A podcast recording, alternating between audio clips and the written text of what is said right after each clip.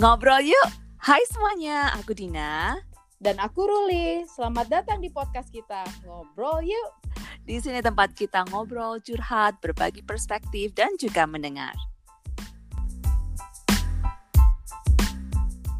Hai semuanya. Hai semuanya. Hai hai, balik lagi dengan gue Ruli dan Dina. Buat kalian yang baru join podcast kita, kita kenalan lagi deh sekali lagi. Gue Ruli, gue ibu dari dua anak, suami gue Alinsia Nipar. Sebelum gue pindah ke Kanada, gue tuh dari Jakarta. Anak Asli Jakarta. nih. iya. Gimana sama lu nih, Din? Kalau aku i, eh, Dina, nama aku. Eh, aku ibu dari dua anak juga. Dan suami aku Steve. Dan aku dari Surabaya, aslinya Kediri. Makanya suara aku medok. Iya kan? Wong Jawa. Iya. Gimana gimana? Kita mau Gimana? Kita mungkin akan ngebahas lebih gimana sih perasaan kita pada pada saat kita tahu kita mau for good ke luar negeri, Betul. kita ninggalin orang tua, kita ninggalin teman kita yang mungkin kita udah udah cocok dan kita tuh udah bisa eh apa tuh namanya bisa kompak dengan berjalannya waktu kita semenjak kita mungkin sekolah, semenjak kita Mm-mm, mungkin betul. di dunia pekerjaan, tapi kita harus akhirnya meninggalkan untuk yang dunia baru lah Iya, intinya. betul. Terus kita juga mau cerita nih soal gimana pada saat kita sampai di sini setelah kita meninggalkan mereka, Mm-mm. terus kita pada saat di sini ap- kenyataan apa gitu yang kita yang ki- maksudnya yang pada saat honeymoon period itu sudah berakhir lah. Apa yang kita apa yang kita rasain dan apa yang kita pikir kayak andaikan ini bisa berbeda apakah justru malahan kita merasa eh, lebih enak apa lebih bebas gimana lo din gimana pengalaman lo Mungkin kalau aku ceritanya beda dengan kamu ya, Wi. Kalau aku kan Mhm. eh, puji Tuhannya kan si Steve ini keluarganya tuh eh, amat sangat eh, suportif, amat sangat menerima aku apa adanya dan lain sebagainya. Jadi aku kayak merasa aku eh, looking forward apa iya apa itu looking Iya. forward kayak iya kama kama apa maksudnya ya looking forward untuk bisa ya lo dapat bertemu bertemu keluarga keluarga. eh, keluarga yang yang yang bener-bener memberikan cinta yang sama sama Iya, kayak orang tua betul. lo ya kan Jadi aku kayak Mm. merasa tuh kalau aku pergi ke sana aku bakalan baik-baik saja dan aku Iya, bakalan benar. maksudnya uh, ada support lah paling nggak di sana kayak gitu. Mm-mm. Jadi aku nggak terlalu kayak khawatir tapi juga excited. Tapi di saat yang bersamaan juga aku juga kau maksudnya sedih juga sedih yang mendalam. Maksudnya ninggalin orang tua tuh kan sedih ya. Uh, Iya, ya itulah gimana. bi- bitter bitter sweetnya di situ berarti Iya, ya jadi kayak- istilahnya bittersweet ya. Bittersweet itu kalau Mm-mm. uh, bahasa Indonesianya itu manis dan pahitnya kenyataan Iya. itu gitu. Mm-mm, Ada mm-mm. manisnya, ada sesuatu yang kita ingin apa uh, apa namanya bukan raih ya, ingin kita maksudnya kita mau sesuatu yang baru, mungkin kita berusaha apa mimpikan sesuatu yang lebih baik uh, buat kehidupan kita satu keluarga ini, tapi apa uh, pahitnya itu harus meninggalkan orang-orang yang kita sayangi, terutama orang tua sih. Maksudnya kan nggak tega ya sama kalau orang tua Mm-mm. gitu ninggal kayak gitu. Tapi eh ya yang paling yang aku rasakan waktu itu tuh yang paling paling paling paling paling eh, sedih dan berat banget itu tuh waktu di airport. dan mama aku tuh kan orangnya melankolis kayak gitu ya. Jadi Iya. mamaku menangis dan aku orangnya juga melankolis. Aku nggak berani kayak lihat mama aku segala macam. Tapi That's the hardest part. iya. Aku Tapi- ingat itu momen-momen tapi itu. tapi sebelum apa apa namanya klimaksnya itu di airport itu sebelum klimaksnya itu tuh eh, aku tuh sangat sibuk sekali beberapa bulan sebelum aku pindah karena ngurusin siap-siap. ngurusin Mhm. jual rumah ngurusin Mhm. eh, jual mobil ngurusin apa eh, semua semuanya itu ya apa Mhm. tetek bengeknya dan lain sebagainya surat-surat dan lain sebagainya aduh itu tuh butuh sekitar setahun lah prosesnya dan yang paling intens itu ya beberapa bulan sebelum kita pindah itu terus packing Hmm. packing mana yang di packing mana yang nggak di packing aduh kayak orang gila sudah stres Iya, jadi Oh, mungkin kayak beratnya agak nggak terlalu nggak kerasa nggak maksudnya uh, uh, agak momen terdistract iya, lah. terdistract Uh, uh. betul banyak Mm-mm, apa mm-mm. apa teralihkan gitu loh kita Mm-mm, akunya tuh mhm. karena terlalu sibuk sekali dan capek kan Mhm. apalagi kalau uh, ya anyways terus sudah gitu ketika di airport itu kayak kerasa banget kayak apa aduh kayak perpisahannya Baru real reality betul hit. perpisahannya itu sangat sangat berat kalau buat aku kayak gitu terus Mhm, mhm. uh, apalagi si utinya ini kalau pas Mm-mm. apa namanya harus pisah dengan Bethany waktu itu itu Hmm, kan juga iya, berat itu banget. pasti pasti nyokap lo itu yang terberat berat banget mungkin berat untuk banget berpisah dengan Berat banget. cucunya itu yang iya kan, kayak- betul cucu bang ah pokoknya Hmm. berat sekali deh aku kalau ingat-ingat itu pokoknya airport Sedih itu ya? tempat yang aku nggak suka anyway terus lalu ketika sebenarnya waktu aku masuk di airplane itu itu duduk itu kayak yang finally gitu maksudnya finally itu kayak aduh semua hal-hal yang aku harus ada bengein itu sudah kayak berlalu dan harus Mm-mm. melewati yang terberat setelah itu sudah kayak gitu kayak huh kayak gitu kayak ada Mm-mm, leganya mm-mm, ada capeknya ada segala macamnya. Nah terus pindah di sini singkat cerita pindah di sini ya kita bersyukur sih. Aku bersyukur karena apa mertua aku tuh suportif banget dan Mm-mm. apa namanya menerima aku menerima kita dan kita tinggal sama mereka selama dua bulan pertama. Kakak ipar segala macem eh, suportif banget sih. Lalu yang apa namanya si Steve bedanya lagi dengan eng- kamu kan eh, si Steve ini kan juga sudah punya teman-teman keluarga Mhm, di sini mhm, juga yang mhm. dia tinggalkan waktu itu Mm-mm. jadinya ketika aku di sini itu teman-temannya itu kayak ya apa, balik lagi gitu kan meneri ya welcoming Mm-mm, kita gitu mm-mm. ha, ngajakin kita keluar ngajakin mak apa makan ngajakin jalan-jalan dan lain sebagainya jadi Itu. mungkin hari hari hari kamu tuh jadinya nggak nggak ada di spend untuk kayak eh apa ya kayak terlalu dengan kayak perpisahan kamu dengan orang tua Iya. iya kan jadinya Iya, betul. juga banyak kegiatan jadi banyak kegiatan di sini dan masih satu tahun pertama adalah yang kamu seperti yang kamu bilang masa bulan madu honeymoon period jadi Mhm. uh, itu masa pertama setahun pertama itu yang kayak hahaha kayak sesuatu segalanya indah masihan karena Mhm. belum iya realita. Tapi itu nanti ceritanya kamu deh dulu cerita awal-awalnya dulu prosesnya gimana kalau kamu? eh aku sih pasti berat karena aku kan Mm-mm. deket banget sama ibuku kan mama Mm-mm. mamaku mamaku itu ya my best friend Mm-mm. jadi waktu aku memutuskan untuk pindah kan Alin duluan enam bulan Mm-mm. kemudian aku nyusul karena aku masih kantor kan jadi aku pikir ah aku selesaiin dulu deh sampai akhir tahun baru aku Mm-mm. pindah Mm. Nah, pada saat itu ya banyak aku banyak quality time jadi sama mamaku Mm-mm. aku apa namanya ngurus-ngurus juga bareng mamaku segala macam. Nah pada waktu mau pergi itu aku malahan belum berasa sedih jadi em, masih terlihat kayak mama mamaku bapakku dan keluargaku teman-temanku itu kan pada nganter aku ke airport itu kelihatan mereka yang paling sedih karena Mm. mereka yang ditinggalkan. Aku Oh, sedih- betul, aku juga betul. sedih banget, cuman karena aku mau ada adventure baru ya kan aku mau eh aku udah Ketemu enam suami. enam bulan nggak ketemu, Ketemu gitu suami, jadi aku iya. masih belum berpikir yang ini tuh for good loh gitu masih sempet sempet kayak ah LA si eh, LA Jakarta apalagi kan juga aku belum pernah ya ke Amerika ya jadi itu kayak Mm-mm. bener aku literally aku nggak tahu Gak ada background knowledge ya. ya, Mm-mm. kayak aku ya paling jauh-jauhnya Asia Australia gitu kan jadi aku bener-bener nggak ada lah nah begitu sampai di Amerika baru reality hit tapi sebenarnya juga pada saat aku sampai di Amerika si Alin itu karena dia udah sekolah dan kerja di sana dia tuh punya teman Mm. kebetulan kan dia deket sama teman-teman apa teman-teman gerejanya gitu Komunitasnya kan ya. komunitasnya itu jadi eh, ya lumayan lah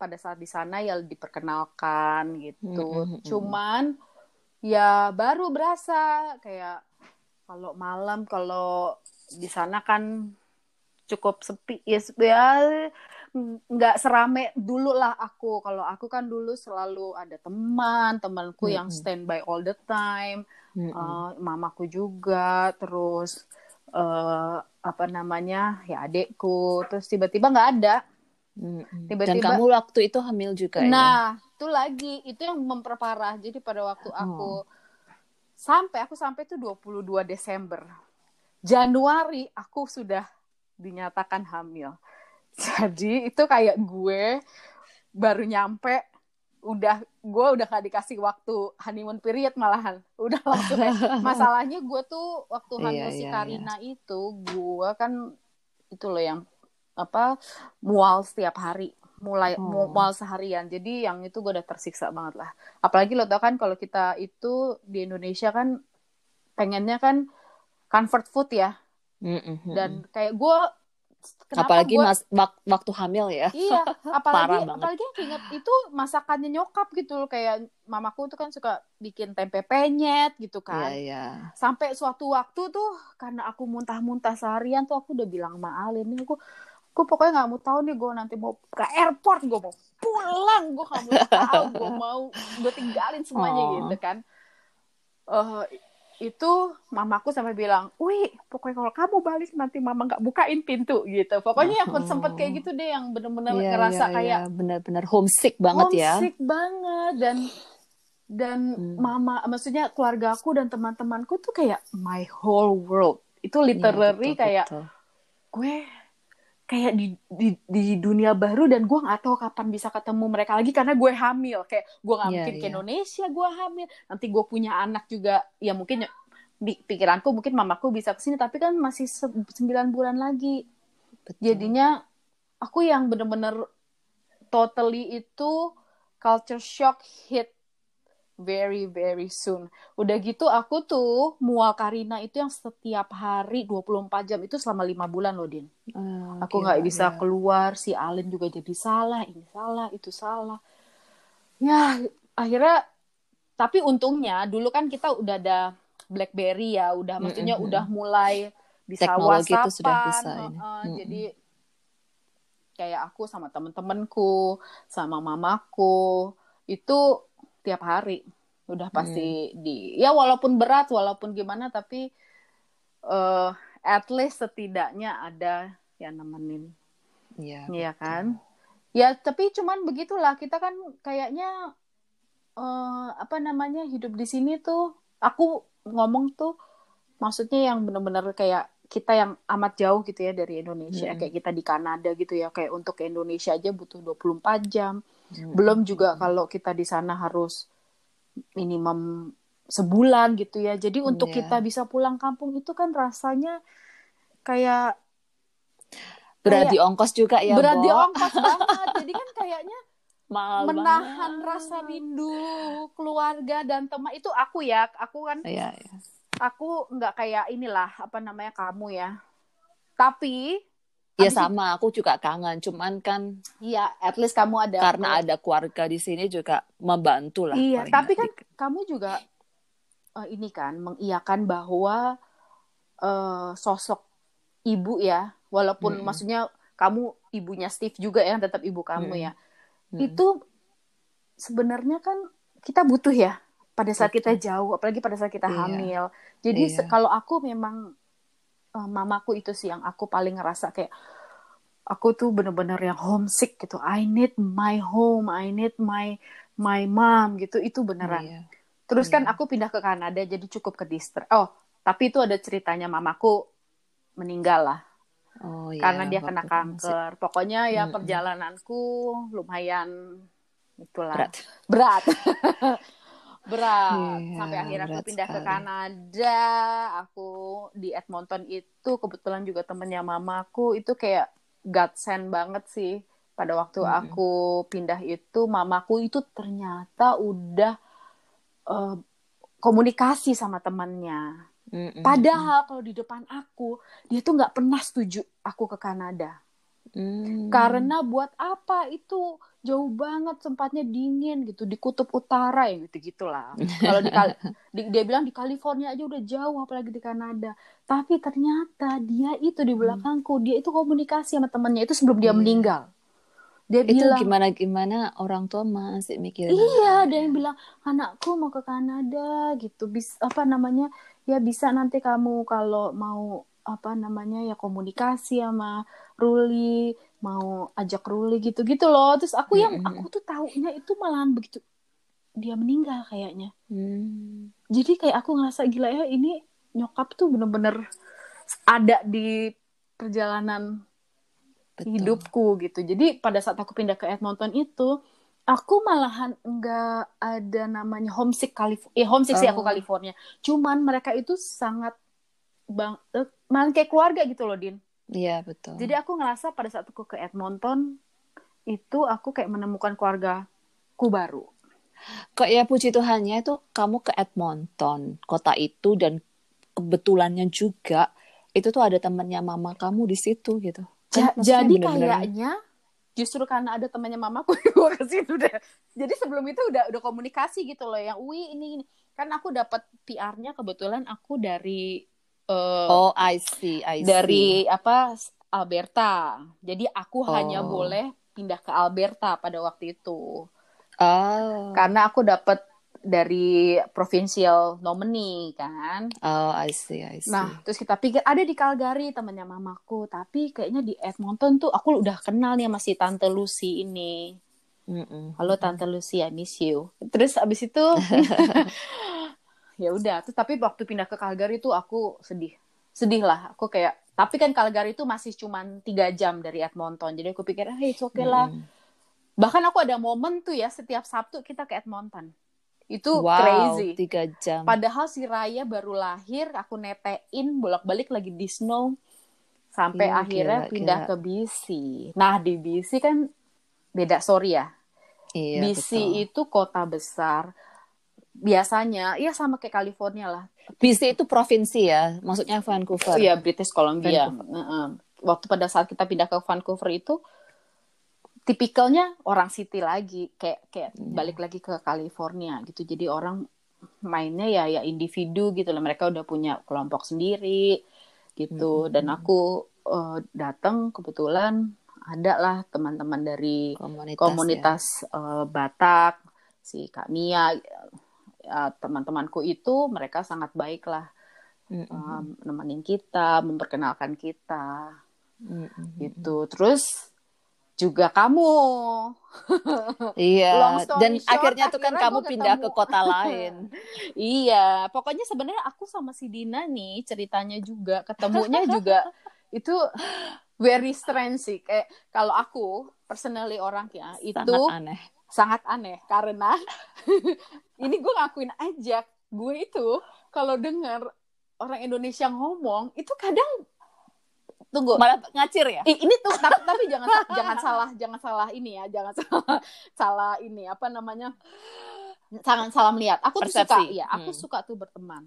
Tapi entah kenapa kalau aku dengar orang Indonesia itu aku sama Alin responnya tuh yang kayak langsung "Hup, mundur teratur gitu loh walaupun pengen banget punya teman nah ini di Costco lagi lihat-lihat Oke, Costco itu super bukan supermarket ya, warehouse Iya, supermarket kalau kalau yang di besar Jakarta kayak makro. sekali. Iya, kalau di Indo di Jakarta ya itu kayak Mm-mm. makro. Jadi lagi lihat-lihat tanaman. Besar sekali. Dan Terus? waktu itu melewati lah si ibu ini dan Bapak Alin. Aku- Padahal waktu itu aku cepet-cepet loh. Aku tuh kan Oh, waktu lagi buru-buru ya? uh, buru-buru sebenarnya. Aku tuh uh, waktu itu apa kan barusan pindah rumah, terus aku itu undang teman aku untuk makan di rumah. Terus aku tuh perlu beberapa Hmm. beli beberapa hal aja lupa aku karena waktu itu. Terus Hmm. aku cepet-cepet gitu. Terus uh, apa namanya? kedengeran lah si ibu ini ngomong sama Bapak Alin ngomong bahasa Indonesia. terus aku yang ah hai orang Indonesia ya. Yang Iya. gitu. Tapi kan aku ramah kan. Kebetulan waktu itu kamu ramah. aku nggak tahu No, no, kalau aku ketemu yang lainnya. Anyway.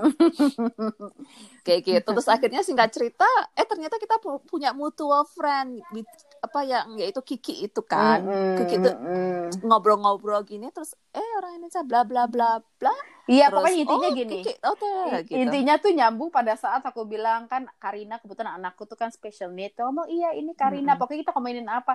Terus apa ngomongin oh oh terus kamu bilang Oh, kamu aku- kerja di kamu mana? IE enggak kamu bilang kamu IE Iya, education Mm-mm. IE itu artinya educational assistant jadi Ya, guru yang bekerja dengan anak-anak special need terus aku bilang oh berkebutuhan khusus iya berkebutuhan khusus terus aku bilang ya anakku eh, eh, autistik. Aku bilang gitu oh iya oh iya. Oh ada tuh iya Indonesia orang Indonesia juga. Gitu. Aku bilang Iya. Kiki. Ah kok Kiki mah aku kenal? Gitu. Nah Iya. semenjak itu akhirnya jadi kita tukeran nomor telepon apa-apa gitu ya. Terus udah gitu jadi Tapi- berlanjut lah dari situ tapi ya. this is funny sih. Biasanya kalau aku kenalan sama orang Indo juga sering sih tukeran nomor telepon juga. Tapi biasanya nggak pernah berlanjut. Karena ya kita udah sibuk Hmm. dengan kehidupan masing-masing ya tapi Mm, mm, mm. dengan Ibu Dina ini itu kayak kayak udah destiny gitu. Kayaknya abis itu jodoh udah nih.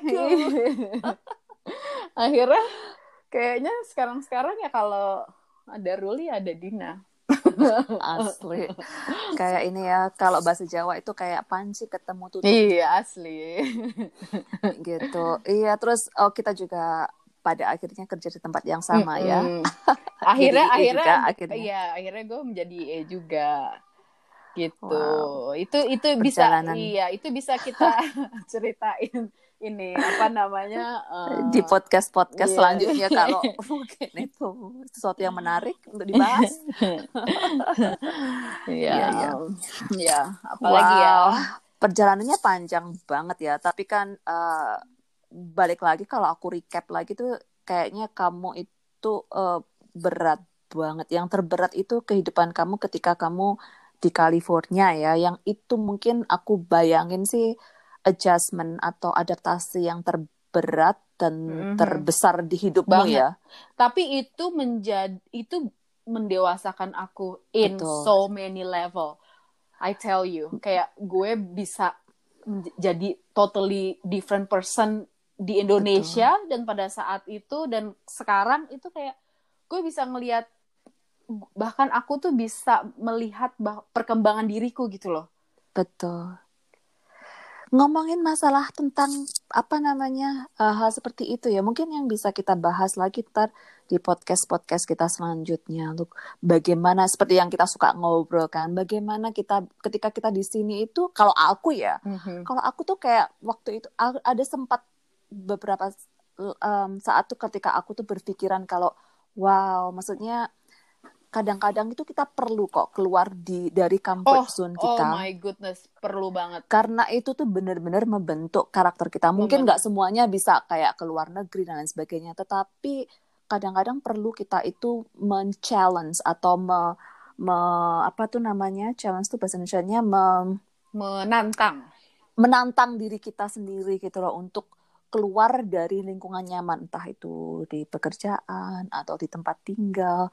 Itu tuh ya nggak semua orang bisa punya kesempatan juga apalagi kalau tapi benar kalau ada yang punya kesempatan mungkin bisa relate ya bagaimana itu tuh bisa benar-benar merubah kita menjadi sesuatu yang lebih dewasa. Iya, lebih dewasa, lebih bisa me- Melihat- appreciate apa ya Indonesia Iya. appreciate tuh lebih bisa menghargai. menghargai dan juga melihat sesuatu tuh dari perspektif yang berbeda. Banget. Kalau aku dulu karena aku kebetulan kerja di tempatku yang dulu itu yang di Indonesia itu By the way, ibu kurang ibu lebih Dina 10 tahun. itu Hmm. eh, kepala sekolah dulu ya. ibu kepala sekolah. Eh, aku guru sempat jadi kepala sekolah terus kurikulum uh, development uh, kurikulum coordinator gitu. wow. Anyways, um, tapi aku tuh kayak merasa karena itu pekerjaanku yang pertama, itu tuh aku merasa kalau aku itu ditempatkan seperti di se- seperti se- seekor tikus yang ditempatkan di Maze. satu maze, Mhm. maze itu kayak puzzle gitu. Jadi muter aja di situ gitu. Jadi nggak bisa ngelihat bukan masalah apa namanya permasalahannya atau apa ya, maksudnya kerjaan segala macam bukan tetapi melihat akunya sendiri sebagai ketika, ada permasalahan muter aja muter aja Iya, benar. nggak bisa berpikir dari luar kota itu gitu Mhm. tapi ketika aku pindah ke sini dan lain sebagainya itu tuh benar-benar aku bisa bisa flashback kembali oh mengingat-ingat apa yang pernah aku alami dan aku um, apa namanya melihat permasalahan-permasalahan dari lalu itu jadi perspektif yang berbeda Mhm, mhm. kayak gitu sih jadi uh, mendewasakan banget Banget. banget banget Iya. banget Dan dan dan, Dan- lu juga bisa kan? Lu, maksudnya lu juga bisa lihat kan bahwa Mm-mm.